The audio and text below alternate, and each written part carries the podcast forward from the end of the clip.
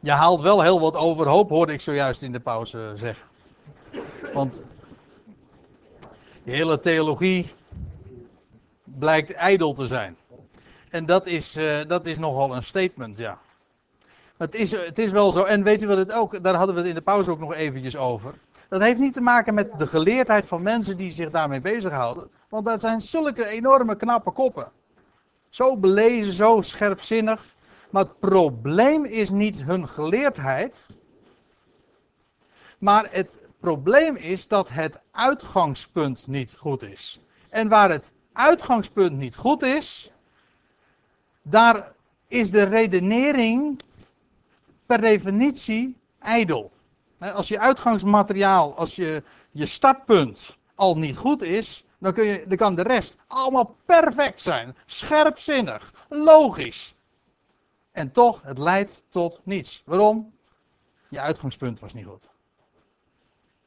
En dat is het probleem. Je kunt het wel over God hebben, maar als God niet God is, echt God, de beschikker, de plaatser, dan kun je alle je redeneringen kun je wel vergeten, die lopen namelijk op niets uit. Op helemaal niets. En in wezen, uh, ja, dat is eigenlijk ook de clue van wat ik vanavond aan de orde stel. En op allerlei manieren heb ik dat uh, ook wel eh, veel vaker gedaan. Want ik durf rustig te zeggen dat wat we vanavond aan de orde stellen, het thema God, schot, eigenlijk de clue van wat ik uh, in mijn Bijbelstudies ook naar voren breng, op wat ik mijn website goedbericht.nl vertel. Ja, vat dat nou eens in één woord samen. Nou, of in één zin samen. Bij God gaat er nooit iets mis. Never, nooit. Ja, nou, niet te veel, maar één, één vraag. Ja. Als God dan, laten we zeggen, de mens overgeeft en een eigen denken. Ja. Gaat dat, wat gaat er dan mis? Nou, voor de, hem gaat er niks meer, want hij doet dat namelijk. Kijk, voor de mens gaat er dan veel mis. Maar voor hem niet.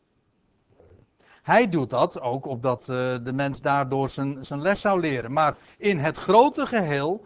Um, want al, al, gaat er nog zoveel fout en de mens zondigt, et cetera, en dat betekent dan mist hij zijn doel. Ja, maar God mist zijn doel niet. God heeft met alles zijn doel. Zelfs, ik, uh, de afgelopen weken ben ik daar nogal mee bezig geweest. Dat kwam dat namelijk ook nogal te sprake via het internet en, en de, de forum over die tekst in Spreuken 16, vers 4, die prachtig illustreert natuurlijk waar we het vanavond over hebben. Dat God alles gemaakt heeft voor zijn doel. Zelfs de goddeloze voor de dag des kwaads. Volgens mij hebben we het de vorige keer hebben we dat nog, uh, die tekst uh, gezien. Ja, nou ja, dat is eigenlijk waar het om gaat. God heeft alles gemaakt voor zijn doel. Bij God gaat er dus nooit iets mis. En daaruit volgt dat het nooit misgegaan is. En daaruit volgt ook dat alles inderdaad goed zal komen. Want hij is God. Ziet u, het punt is niet, ik weet wel vaak uh, de tegenstanders van deze boodschap, die, die, uh, die roepen dan meteen, want ja, dat is een ketterij natuurlijk, die roepen meteen, oh, oh, verzoening. Daar gaat het niet om. Het is geweldig hoor, dat de Heer Jezus Christus zijn leven heeft gegeven uh, en ter verzoening en dat, hij, dat, hij, dat God, want u weet het, God, doet, uh, God uh, houdt niet van stukwerk, God verzoent gewoon alles. Ik ken maar één verzoening en dat is dat hij alles verzoent. Andere verzoening bestaat er niet. Maar daar gaat het niet in het diepste wezen om. In het diepste wezen gaat het om wie is God. Wat het betekent het dat hij God is. Wel, hij is de plaatser. Bij hem gaat er nooit iets mis. Heeft alles in zijn hand, alles onder controle. En hij, is inderdaad degene die alles op zijn plek zet. Hoe dan ook, en wanneer dan ook, en waar dan ook. Dat is de clue. En als je dat ziet, ja, dan valt. Maar als ik zeg, als God het nou opgeeft aan hun eigen dingen, dan krijg je toch een toestand van homofilie en dat ze seks met beesten Dat is wat de Heer Paulus in Romeinen 1 ook zegt, ja. Ja, want, dan zie, want uh, de, het wordt duister in hun onverstandig hart. En hij, Paulus illustreert dat ook gewoon door dat, ja, dat hele basale al wat we in onze schepping kennen. Hè. Alles is mannetje en vrouwtje. En daar heeft, dat heeft ook een betekenis, want het spreekt uiteindelijk van de schepper en de schepping. De schepper is mannelijk en de schepping is vrouwelijk. Maar als je schepper wegredeneert, dan betekent dat dat je al, al totaal geen zicht meer hebt op wat mannelijk en vrouwelijk is. En de, de consequentie daarvan is dat eh, als je daar op, op die weg verder gaat, en dat God houdt je niet tegen, want God zegt ga, ga dan maar. Wel, de consequentie is dat je dat dan inderdaad door elkaar gaat gooien. En mannelijk en vrouwelijk, eh, dat, dat heeft helemaal geen enkele verz- zin. Het is eigenlijk hetzelfde. Man, man en vrouw zijn gelijk, zeggen ze dan. Dat is onzin natuurlijk. Man en, ja, man en vrouw zijn hooguit, eh, sorry, eh, zijn gelijkwaardig, maar gelijk in ieder geval. Want als ze gelijk zouden zijn, dan is het mannelijk dus hetzelfde als vrouwelijk. Dat is onzin. Ziet u, men, men zet alles in het werk om het verschil weg te redeneren. Maar dat is nu juist ook het probleem van de schepper en de schepping. Hè, want dan krijg je ook het verhaal, want men weet wel dat God er is, maar men, het verschil ziet men niet. In wezen heeft men God weer, en dat is in wezen de clue van alle afgoderij, men heeft God gewoon gedegradeerd tot een schepsel. Ja, men heeft God eigenlijk gedegradeerd. God is eigenlijk een godje. Hij is niet God, degene die alles plaatst en, en beschikt. Nee, hij is een God. Hij is een godje, inderdaad. Ja. En daarmee, hij, hij, van hem wordt, hij wordt toch vernederd. En dat is ook precies wat Paulus in het navolgende van Romeinen 1 ook zegt. Van, ehm, dat, hij, eh, dat ze hem gelijk gemaakt hebben tot een schepsel, tot een viervoetig. Hoe staat het? Tot een, eh, even kijken hoor. Dan moet ik het even goed voorlezen.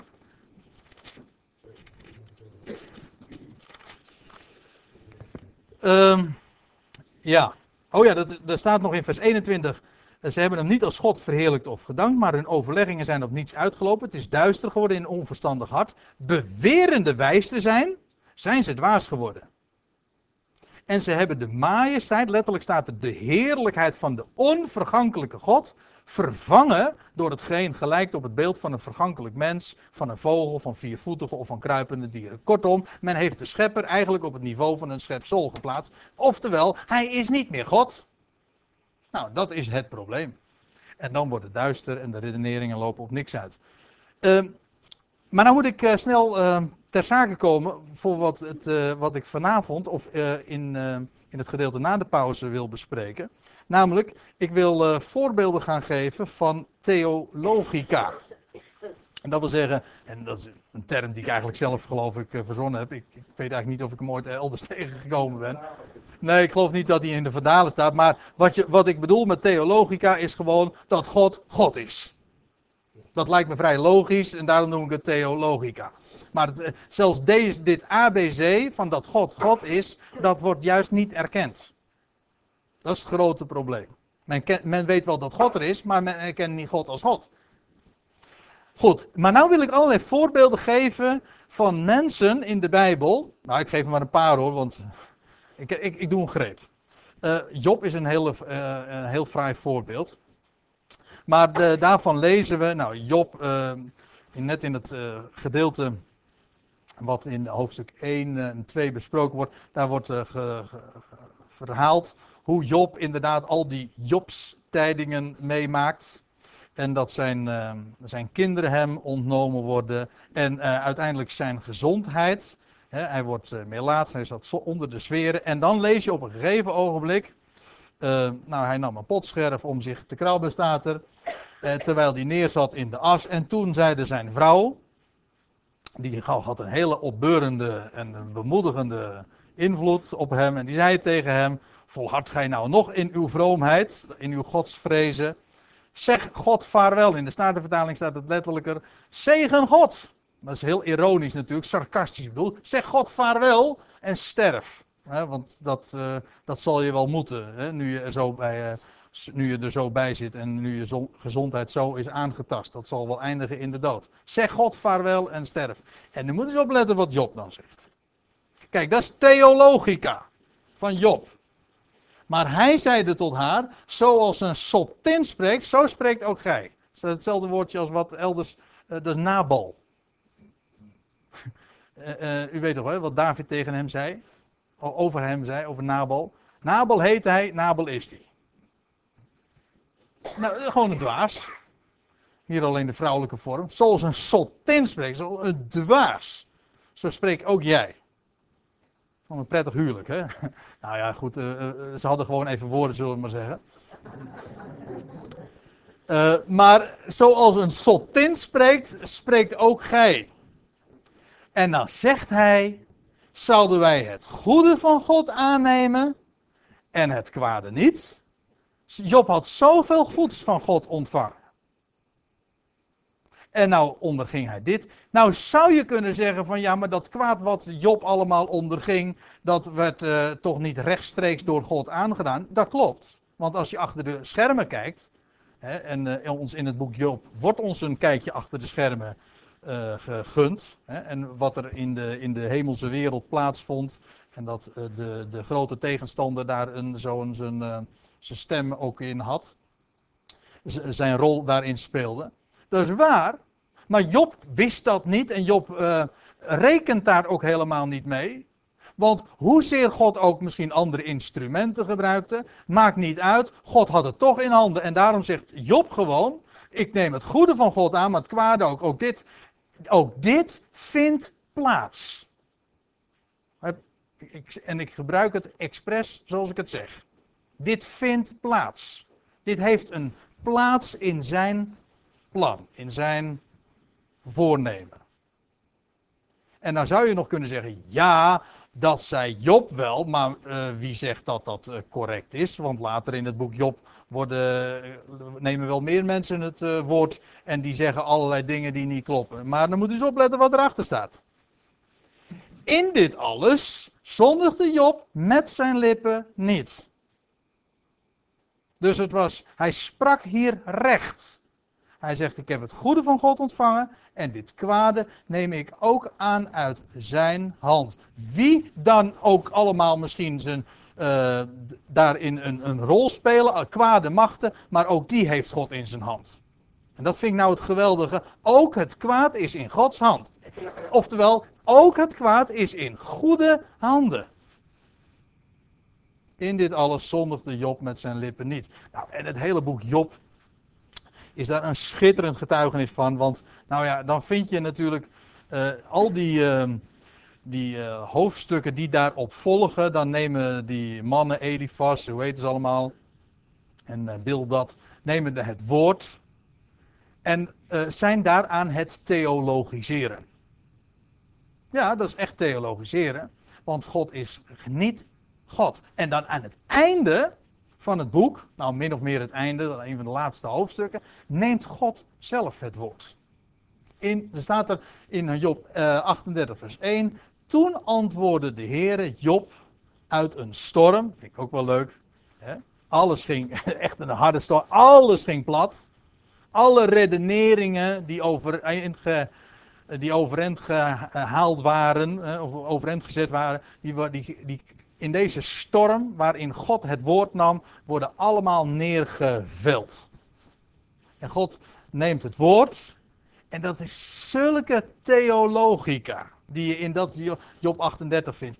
Niet één antwoord wordt er gegeven. Allemaal vragen. En God neemt daar het woord. En dan zegt hij God nu eh, aan als een, eh, God nu als een man uw lendenen. En dan wil ik u ondervragen. God was uh, in al die voorgaande hoofdstukken bestookt met kritiek. En was, er was zoveel getheologiseerd. En nou zegt God, en nou God je maar om. Hè, en uh, maak je maar op, want ik ga je ondervragen, opdat gij mij onderricht. En dan, ga, dan begint hij. ja, ik ga niet het hele hoofdstuk lezen, maar een paar van die, van die passages die zal ik eruit pakken. Waar waart ge toen ik de aarde grondvestte? Vertel het indien je inzicht hebt. Wie heeft haar afmetingen bepaald? Gij weet het immers. De spot ligt er zo dik bovenop. God maakt het gewoon. Job en zijn vrienden maakt hij compleet belachelijk. Wie heeft haar afmetingen bepaald? Gij weet het toch immers. Of wie heeft haar meetsnoer gespannen? Weet je iets over de, de omvang van, van de schepping van deze wereld? Uh, vers 16. Zijt gij doorgedrongen tot de bronnen van de zee? Hebt gij de, door, hebt, en hebt gij door de geheimenissen van de waterdiepte gewandeld? Reikt uw begrip zo ver als de breedte van de aarde? Vertel het, indien gij dit alles weet. Nog weer even later. Gij zult dat wel weten, want toen werd gij geboren en het getal van uw dagen is heel groot. Ik kom echt spot. Job, die, die, die ja, ja, hoe, oud, hoe oud hij ook is geworden. Maar eh, een mensenleven. Trouwens, ik geloof dat het in het boek Job wordt het vergeleken met een weverspoel. Elders in de Bijbel met, met een damp. Het is gewoon, je komt en je gaat weer. Dat is een mensenleven. Een schaduw wordt het ook vergeleken. Als het gras hè, wordt het ook vergeleken.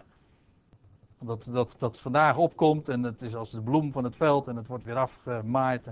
Nee, is er niet meer. Een mens komt en, en, en dan gaat weer. En dan, en, dus wat verbeelden we ons eigenlijk? Kunt gij, en vers 1, nog weer wat verder, kunt gij de banden, gaat de, dan wordt de blik naar omhoog gericht, kunt gij de banden van de Pleiade, het zevengesternte is dat, binden of de boeien van de Orion slaken? Kent gij de inzettingen van de hemel? Bepaalt gij zijn heerschappij over de aarde? Allemaal retorische vragen. Allemaal retorische vragen. Het antwoord is nee. Ik, wij weten daar niets van. Helemaal niets. We zijn gewoon kleine, onogelijke schepseltjes. Wat denken we ons te verbeelden te kunnen zeggen over God? En zelfs hen tegen te spreken dat hij het niet goed zou doen of zo. Wat, wat, wat verbeeld je? Dan Job 39, want uh, het is Job 38 en 39 die, waarin God het woord neemt. En, daar, uh, en dan zegt hij, dan gaat hij weer verder met vragen. Gaat hij het over de, de dierenwereld. Kent gij de tijd waarop de gemsen werpen? Neemt gij het jongen van de hinde soms waar? Ga jij daarover, hè, is de gedachte. Kunt gij de maanden van haar dracht tellen? En kent gij de tijd waarop zij werpen? Regel jij dat toevallig? Of zo, nou zijn, de, zijn, nou zijn de vier, vijf of negen maanden, of kan niet schelen hoe lang de dracht ook is. Nou is dat gedaan en nou moet je gaan werpen. En dus, zorg je daar dan voor? Nee, dat gaat allemaal zo. Er is er iemand die dat allemaal een plaats geeft. Vers 27. Um, ja, dat is nog weer een stuk verder. Is het op uw bevel dat de gier zich verheft en zijn nest in de hoogte bouwt? Op rotsen woont en vernacht op het rotspunt en op, op de bergtop? Heel beeldend allemaal. Je ziet het, je ziet het zo voor je. En vandaar speurt hij dan naar voedsel hè, vanuit die bergtop. Zijn ogen turen in de verte. Zijn jongen slurpen bloed. En waar verslagenen liggen, daar is hij. Ja, dat is een heel luguber beeld. Maar ook, daarvan zegt God: ja, het zijn mijn creaties. Het zijn, het zijn mijn creaties. Kun je er iets zinnigs over zeggen? Hoe dat gaat? Is toch een compleet wonder. En dan lees je, eh, en dan lees je verder. En de Heere antwoordde Job: Wil de bediller twisten met de Almachtige? De aanklager van God, die antwoordde daarop. En dan zegt Job, en dan komt hij tot inzicht. Toen antwoordde Job de Heere: Zie, ik ben te gering. Hoe zal ik u bescheid geven? Hoe zal ik u antwoord geven? Verantwoording kunnen afleggen van wat ik allemaal gezegd en geredeneerd heb. En mijn vrienden uh, ook. Ik leg de hand op mijn mond. Ik heb eenmaal gesproken, maar ik doe het niet weer. Ja, twee keer, maar ik ga er niet mee voort. Ik heb mijn les geleerd. Alleen maar, God had geen antwoord gegeven op de vragen. God had alleen maar verteld: Ik ben God. En dat moet genoeg zijn. Ik ben God. En dus, er gaat niets mis. Dat is het. En als je dan ook, uh, dat is wat Job dan ook vervolgens zegt. Hè? In, en het helemaal, dit is, dit is echt het laatste hoofdstuk, Job 42, want ik blader gewoon door dat boek. Dat heb je niet in de gaten als ik het zo iedere keer op een knopje druk. Maar ik, eigenlijk blader ik zo door het boek. Maar daar staat er, toen antwoordde Job de Heer,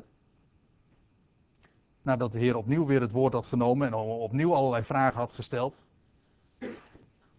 Ik weet dat, kijk, dat is de mooie conclusie. Ik weet dat gij alles vermoogt en dat geen van uw plannen wordt verijdeld. Oftewel, dat er bij u niets misgaat. En dat God, dat Hij alles vermoogt. Dat wil zeggen, eh, Hij vermag alles. Wat Hij wil, dat doet Hij. Hij, bes, hij is namelijk de albeschikker. Dat is toch wat God betekent? En dat is het einde van het boek Job. Bij God gaat er niets mis. Geen van zijn plannen wordt verijdeld. En dan staat er verder, daarom, dat zegt dan Job, ik verkondigde zonder inzicht. Dingen mij te wonderbaar en die ik niet begreep. Slechts van horen zeggen had ik van u vernomen. Maar nu heeft mijn oog u aanschouwd. En dat, en dat is dan tevens ook een antwoord op, op dat, eh, het kwaad waar de, waar de mens zich uh, mee bezighoudt. Kijk, het punt is ook, Gods werk is nog niet af. Wij denken ons een oordeel te kunnen aanmatigen over deze wereld. En God is eventjes ter verantwoording te roepen. Nog niet zo lang geleden had ik een gesprek met een collega. En dat ging nogal hard. Maar uh, die zei van, als, als ik bij hem kom, ik zal niet herhalen wat hij zei, want daar word je koud van. Maar dan zou die helemaal zo gaan schelden. Want wat God hem toch allemaal had aangedaan. En, maar goed, het gesprek was uiteindelijk uh, was wel goed hoor. Want uh, uiteindelijk, wat je ook merkt bij zo iemand, het was duister in zijn hart. Het is echt zo duister. Zo verdrietig als je, met, als je moet leven met het idee van het gaat allemaal mis. Het gaat allemaal mis. Maar goed, um, wat ik toen ook uh, aan hem gezegd heb, dat doet nu verder uh, niet zozeer ter zake. Maar wat, ik eigenlijk ook wil vertellen, uh, het werk is nog niet af. Gods schepping, Gods werk, zijn plan is nog maar halverwege, om zo te zeggen. Kijk, en dat is nou net als met een schilder. Hè? Een schilder die, die begint. Hè? Die, die maakt eerst, ik, ik, noem maar wat, hij gaat, hij gaat de, de, de sterrenhemel schilderen. Dan maakt hij eerst een donkere hemel. Nou, dan, dan, sta je daarbij. En dan zeg je, ah, dat is toch helemaal niks, allemaal zwart mannen. Je gaat toch niet een schilderwerk, zo'n creatie, ga je toch beoordelen terwijl die schilder nog bezig is? Dat doe je toch niet? Pas als het af is, dan mag je, dan mag je inderdaad je oordeel eventueel vellen. Maar niet als hij nog bezig is. Je gaat een schrijver, als die halverwege het boek is, toch niet vertellen ik vind er helemaal niks aan. Nee, de plot, de plot die, die, die is misschien nog helemaal niet aan de orde gekomen of die is nog niet uit de verf gekomen. Je mag pas iets zeggen over het boek, je mag pas een recensie geven als het uit hebt. Nou, God is nog bezig het boek te schrijven. En hij is de auteur en hij schrijft. En, pas, en, het, en het eind is er nog niet. Hij is nog druk bezig. En daarom, we kunnen ons nog helemaal geen oordeel vormen over, over wie, waar hij mee bezig is. Het is nog niet af. Het is nog niet klaar. En God is nu alleen nog maar bezig, als ik het zo mag zeggen, met de achtergrond, don, donkere achtergrondkleuren. Opdat hij daarin de juwelen van zijn glorie zou laten uitkomen. Dat moet nog komen. Het moet nog. Het, dat zei uh, Corrie de Boom toch ook, hè? Dat, ze heeft zo'n mooi boek met de titel Het beste komt nog. Ja, precies. Het is nog niet af. Het beste komt nog. En dan zal blijken dat het totaal, want daar gaat het om, dat het totaal, als het af is, zo meesterlijk was. Dat alles, goed en kwaad, in zijn ontwerp, in zijn plan, een plek kreeg en heeft. Dus je zou kunnen zeggen dat God bezig is om de dingen te plaatsen. Hij is bezig te plaatsen. Ja. Alle dingen hebben nog geen plaats. Nee, alle, alles heeft nog niet plaats gehad.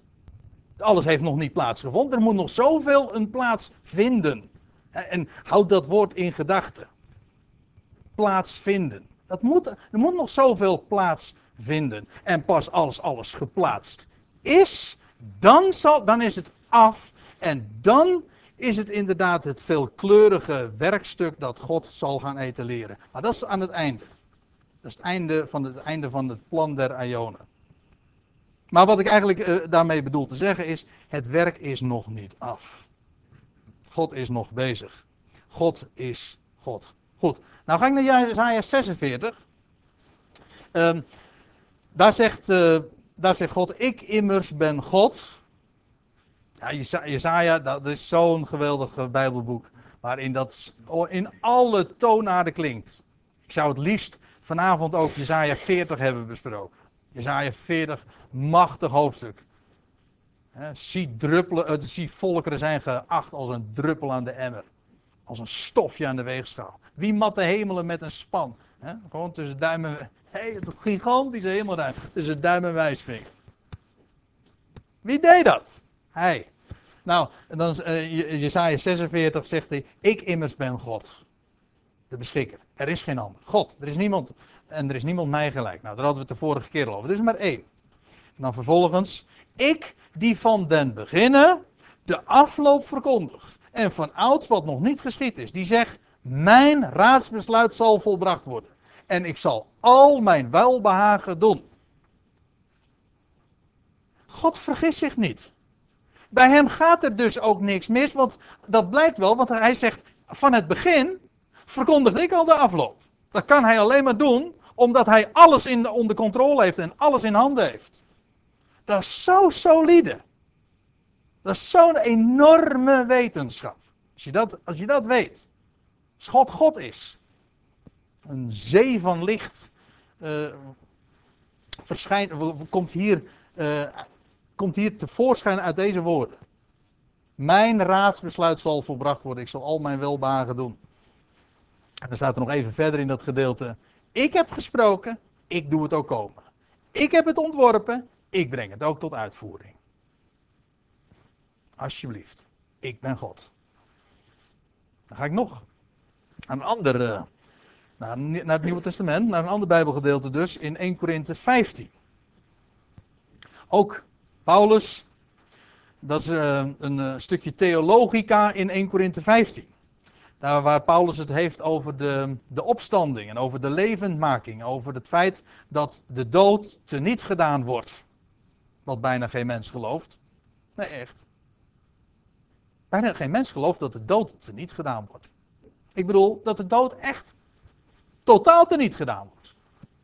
Waarom praat men anders over de eeuwige eindeloze dood?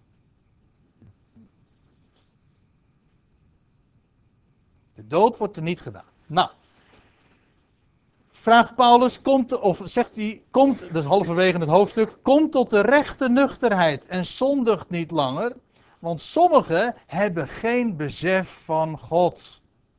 Tot uw beschaming moet ik dit zeggen. Paulus zegt ook van, uh, het, het, want die wetenschap, dat heeft ook gewoon direct ook zijn consequenties in de praktijk.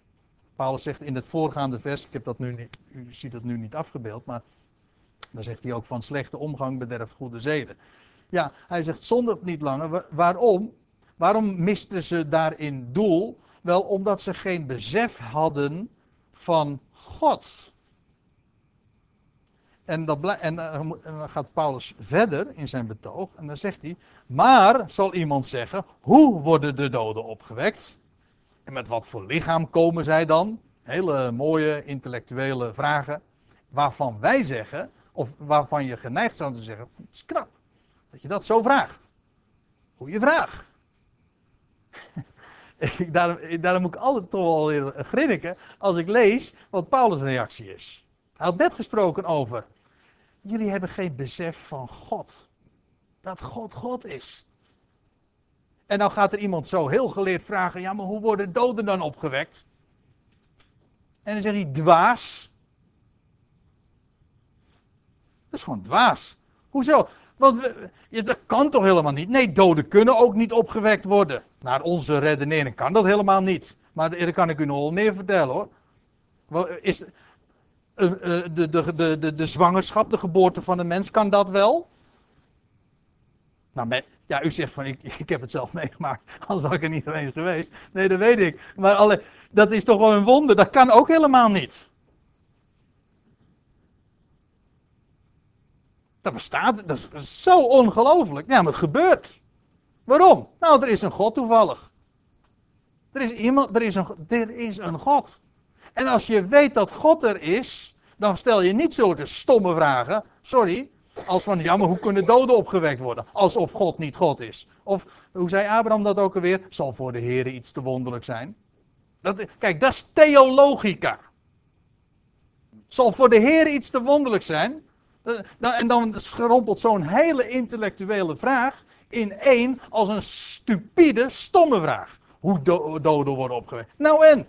Dat is onze zaak toch niet? Wij hoeven doden toch niet op te wekken? Hij is God, hij doet het, hij heeft het gezegd. Hij heeft gezegd van ik maak aan de dood een eind. En ook die dood heeft een plaats in zijn plan, hoor, vergis je niet. Want ook die dood is geen misser.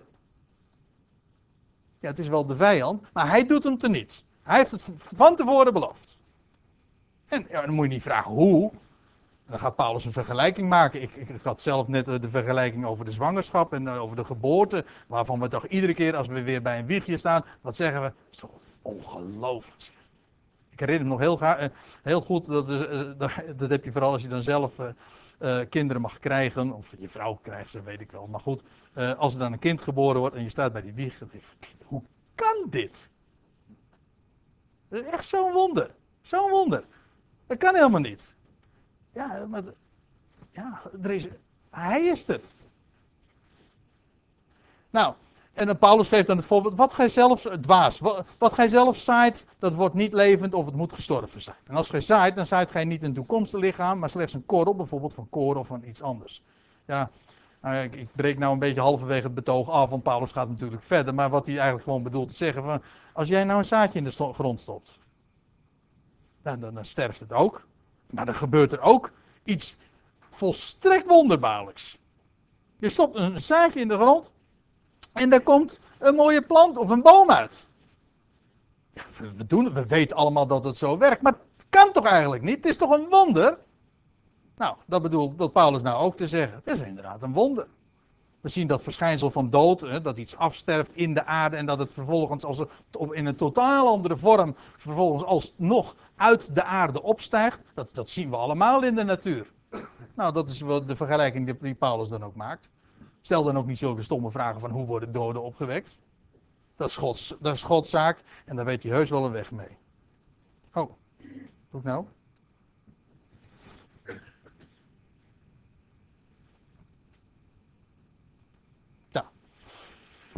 Eh, Romeinen 4. Dat is, eh, ik geloof, het laatste hoofdstuk wat ik, eh, wat ik nu als voorbeeld van theologica aan wil reiken. Daar zegt Paulus, daar, in dat hele hoofdstuk brengt Paulus de figuur van Abraham ter sprake. Prachtig hoofdstuk.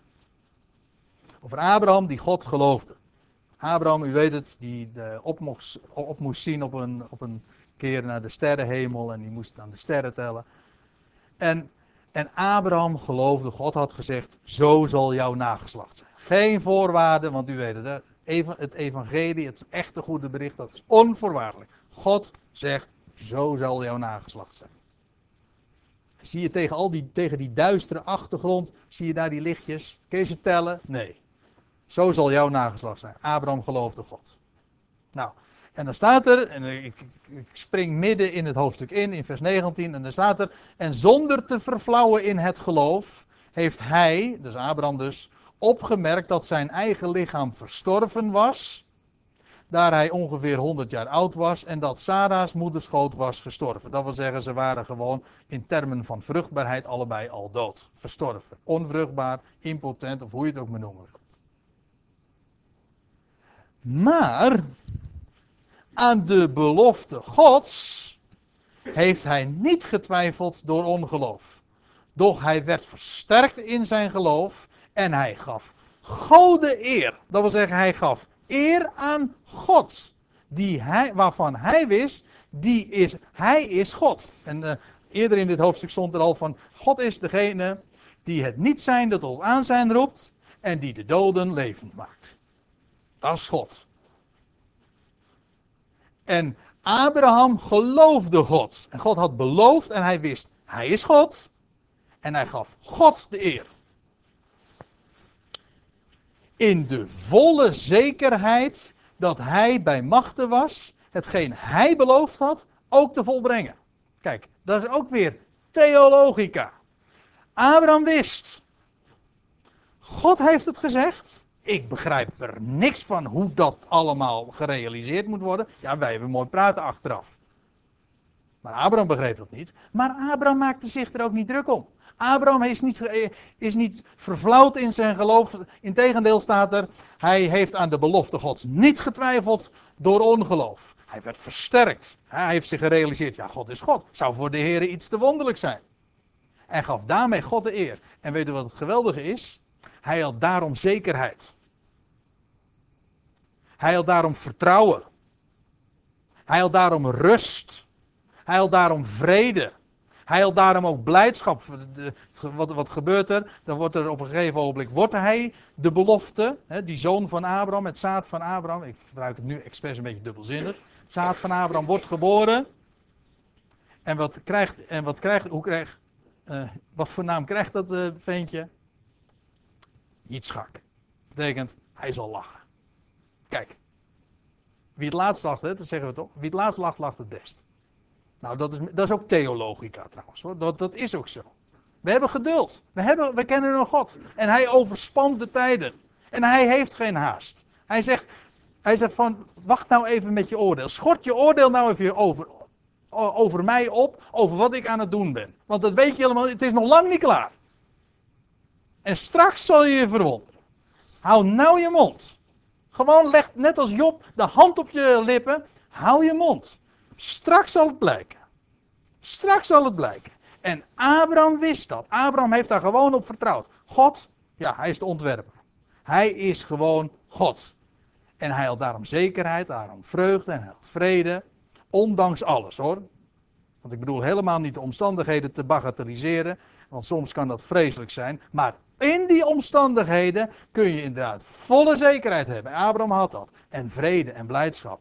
Kijk, dat is precies wat Paulus ook bedoelde in Romeinen 1, vers 21. Met dat eh, als je dat niet kent, ja, dan wordt het duister in je hart. Maar als het wel kent, als het wel kent dat God God is, dan is dat, dan, dat is zo'n licht.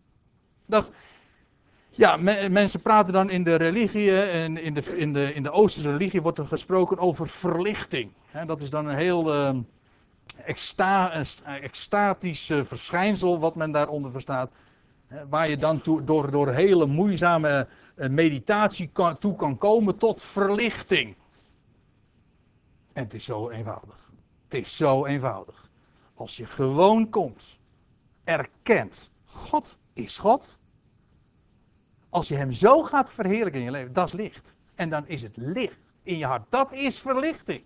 Want dan heb je inderdaad vrede, blijdschap, rust, zekerheid, vertrouwen. Kortom, al die attributen waar het in onze donkere wereld aan ontbreekt. In de volle zekerheid dat hetgeen hij belooft, dat hij bij machten was, want hij is God, dat hij, hetgeen hij bij machten was, eh, ook eh, eh, te doen.